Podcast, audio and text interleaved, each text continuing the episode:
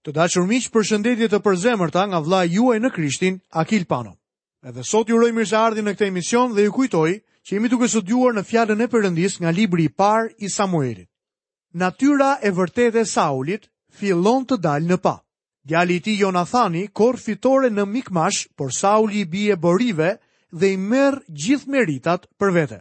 Me arrogancë, Sauli ndërhyn në detyrën e priftit. Samueli e qorton dhe hedh poshtë Saulin.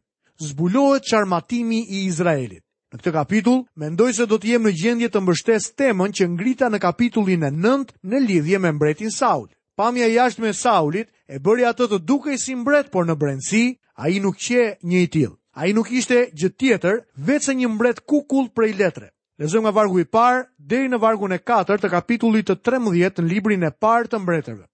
Sauli ishte 30 vjeç kur filloi të mbretërojë dhe mbasi mbretëroi 2 vjet mbi Izraelin, ai zgjodhi 3000 ushtarë të Izraelit. 2000 rrinin me të në Mikmash dhe në krahinën malore të Betelit dhe 1000 me Jonathanin në Gibea të Benjaminit.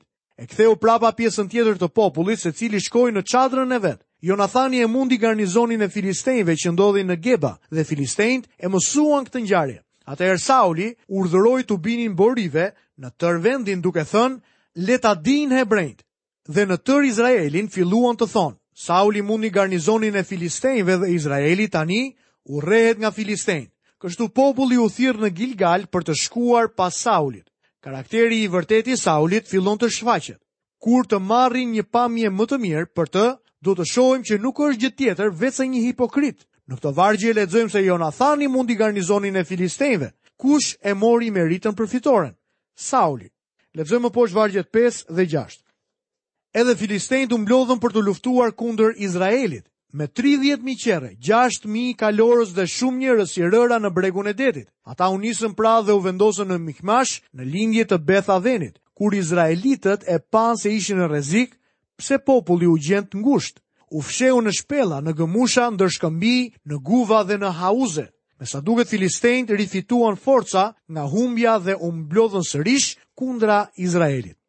Lexojmë vargjet 8 dhe 9.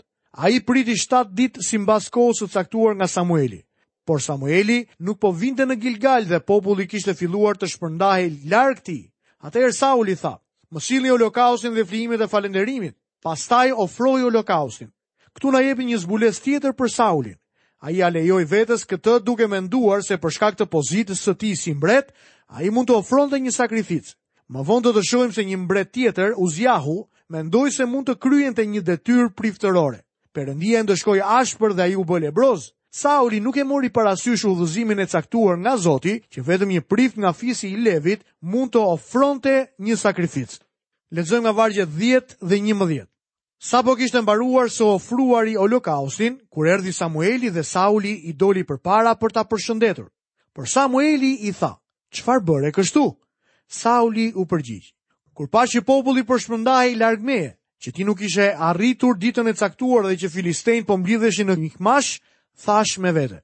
Sauli nuk donte ta priste Samuelin. Ai ishte i paduruar dhe mendjemadh. Mendoi se kishte tre arsye të mira që të mos priste për Samuelin. E para, njerëzit ishin të shpërndarë. Së dyti, Filistenjtë po ngriheshin kundër atij dhe së treti, Samueli po vonohej disi dhe Sauli sigurisht po arsyetonte. Ai po fajsonte gjithçka dhe këdo. Lexojmë vargun e 12 deri në vargun e 14.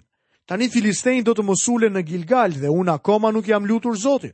Prandaj e mblodha veten dhe ofrova holokaustin. Atëherë Samueli i tha Saulit, Ti ke vepruar pa mend, nuk ke respektuar urdhërimin që Zoti Perëndia yt të kishte dhënë, në fakt, Zoti do të vendoste përgjithnjë mbretërinë tënde mbi Izraelin. Tani përkundrazi, mbretëria jote nuk ka për të vazhduar. Zoti ka kërkuar një njeri simbas zemrës së tij dhe Zoti e ka caktuar princ të popullit të tij, sepse ti nuk ke respektuar atë që Zoti të pati urdhëruar.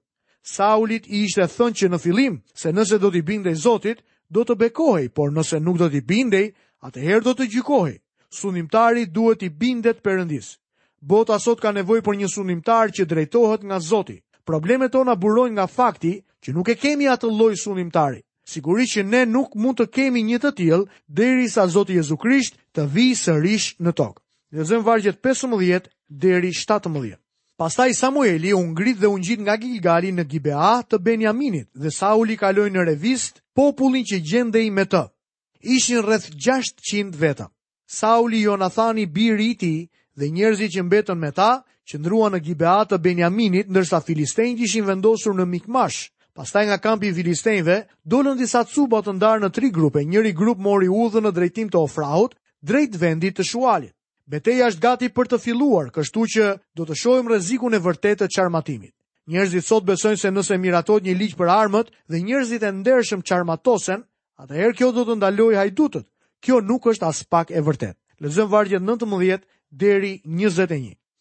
Në tërë vendin e Izraelit nuk gjeje as edhe një kovaç sepse filistenjtë thonin, hebrenjtë të mos prodhojnë shpata ose shtiza. Kështu tërë izraelitët shkonin te filistenjtë për të mprehur kush plorin, kush sëpatën, kush belin. Çmimi për mprehje ishte një pim për belin, për sëpatën, për sfurkun, për rregullimin e hostenëve. Filistenjtë e çarmatosën Izraelin. Gjithsesi, atyre iu lejuan të përdornin disa pajime bujqësore, por për t'i mprehur izraelitëve, u duhej të shkonin tek filistenjtë. Në këtë mënyrë, armiku mund të mbante një llogari të saktë se çfarë mjetesh kishin izraelitët në vend të armëve. Lexojmë vargun 22 dhe 23. Kështu ditën e betejës nuk shihje as shpatë as shtizë në duart e tërë njerëzve që ishin me Saulin dhe me Jonathanin. Ato i kishin vetëm Sauli dhe Jonathani bir i tij. Garnizoni i filistenjve doli pastaj dhe u drejtua nga qafa e Mikmashit.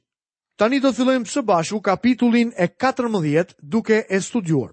Fitorja e Jonathanit mbi Filistenjtë, urdhri i nxituar i Saulit, nuk pranohet. Edhe një herë Jonathani korr një fitore tjetër, por Sauli merr meritën për të dhe zbulon xhelozinë e tij. Në fakt, ai do ta kishte asgjësuar madje edhe birin e tij. Kapitulli katërmbëdhjetë na jep strategjinë e betejës që përdori Jonathani kundra filistenjve. Thuhet se gjenerali britanik Allenby lexoi këtë kapitull një natë përpara sulmit të tij të suksesshëm mbi turqit në Luftën e Parë Botërore. Nuk jam shumë i aftë për t'ju dhënë detaje në strategjinë e kësaj beteje, por për shkak se nuk e njoh shumë gjeografinë e atij rajoni dhe për shkak se nuk jam ushtarak, jam i sigurt se kur gjenerali Allenby lexoi këtë kapitull, pati një zbulesë emocionuese kur pa se si Jonathani zbulonte taktikat e tij ushtarake. Me sa duket strategjia e Jonathanit ishte t'i çonte njerëzit e tij në një rrugë të ngushtë. Me ato pak armë, ata duhet të luftonin me Jonathanin. Ushtria e Jonathanit kishte një përparësi të dallueshme. Një betejë e ngjashme ndodhi në Termopile, në një qafë mali në Greqinë lindore, kur grekët, edhe pse në numër të vogël, e zmbrapsën ushtrinë persiane. Në rastin e Izraelit, kjo strategji funksionoi në avantazhin e tyre meqenëse Izraeli kishte një ushtri të madhe dhe pothuajse të paarmatosur. Lexojmë në kapitullin e 14 në librin e parë të Samuelit nga vargu i 18. Atëherë Sauli i tha Ahijahut, afroje arkën e Perëndisë, Sepse në atë kohë, arka e Perëndisë ishte me bijtë e Izraelit. Sauli nuk duhet ta kishte marrë arkën në fushën e betejës. Ashtu si e pamë dhe më parë në kohën e Samuelit, bijtë e Izraelit e përdorën arkën në mënyrë supersticioze, duke menduar se ajo do t'i ndihmonte të fitonin betejën. Me sa duket, edhe Sauli mendonte kështu. Lexojmë vargun e 23. Kështu atë ditë Zoti e shpëtoi Izraelin dhe beteja u shtri deri në Beth Aven. Pavarësisht nga veprimi i Saulit për sjelljen e arkës, strategjia e Jonathanit fitoi betejën në anën njerëzore. Zoti ishte me këtë djalë të ri. Është për të ardhur keq që ai nuk jetoi gjatë. Perëndia e shpëtoi Izraelin atë ditë. Lexojmë nga vargjet 24 deri 27. Por atë ditë njerëzit e Izraelit ishin të rraskapitur sepse Sauli e kishte vënë popullin të betohej. I mallkuar qoftë ai që do të prekë ushqim para mbrëmjes, para se të hakmerrem me armiqtë e mi. Tërë populli hyri në një pyll ku kishte mjaltë për tokë.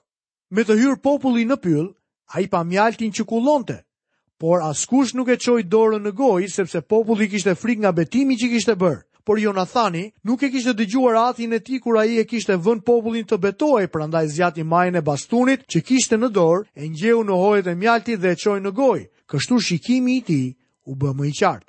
Është interesant fakti që Jonathani nuk dinte asgjë për urdhrin e çuditshëm të atit të tij, që askush nuk duhet të hante derisa të ishte fituar beteja.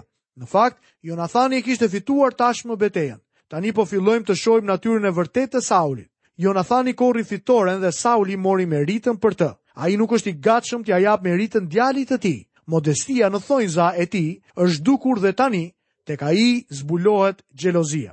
Lexojmë vargjet 28 deri 30. Njëri nga populli mori fjalën dhe tha: Ati yt e ka vënë enkas popullin ta bëjë këtë betim duke thënë: Mallkuar qoftë ai njeri që do prekë ushqim sot. Megjithëse populli ishte i rraskapitur, Atëherë Jonathani tha, Ati im i solli dëm vendit, unë shijova pak nga ky mjaltë dhe shikimi im u bë më i qartë. Sa më mirë do të kishte qenë sikur populli të kishte ngrënë sot lirisht plaçkën që gjeti te armiqtë. A nuk do të kishte pasur një masakër më të madhe tek filistenjtë? Urdhri i Saulit ishte një urdhër i marrë. Njerëzit ishin të lodhur, ata kishin luftuar dhe fituar betejën. Tani ata kishin nevojë të hanin diçka. Sauli kishte thënë, Nuk do të lejoj asnjë që të hajë para se të jem hakmarrë për armiqtë e mi. Modestia e tij ishte larguar plotësisht. Lexojmë nga vargjet 35 deri 39. Sauli ndërtoi pastaj një altar kushtuar Zotit. Ky ishte altari i parë që ai i ndërtoi Zotit. Në fakt, ai i ndërtoi Zotit një altar dhe i ofroi një sakrificë. Pastaj Sauli tha: Të zbresim natën për të ndjekur filistenjtë dhe t'i zhveshim deri në dritën e mëngjesit dhe të mos lëmë asnjë prej tyre të gjallë. Populli u përgjigj, vepro si të të duket më mirë. Kështu Sauli e pyeti Perëndinë, a duhet të zbres për të ndjekur filistenjtë? A do t'i lëshë në duart e Izraelit? Por Perëndia nuk dha asnjë përgjigje. Atëherë Sauli tha, afrohuni këtu ju krerë të popullit. Pranoni dhe shikoni mëkatin e kryer sot, sepse ashtu siç është e vërtetë që Zoti shpëtimtari i Izraelit jeton, edhe sikur të gjendej tek Jonathani biri im, ai duhet të vdesë. Por asnjëri nga tërë populli nuk iu përgjigj atij. Siç e shihni, Sauli nuk është i gatshëm ta marrë fajin për vete. Ai thotë që dikush tjetër ka mëkatuar, ushtria qëndroi në heshtje. Ata e dinin që fitorja ishte e Jonathanit. Tani Sauli thotë arsyeja pse Zoti nuk m'u përgjigj ishte sepse dikush nuk mu është bindur dhe ka kthyer betimin.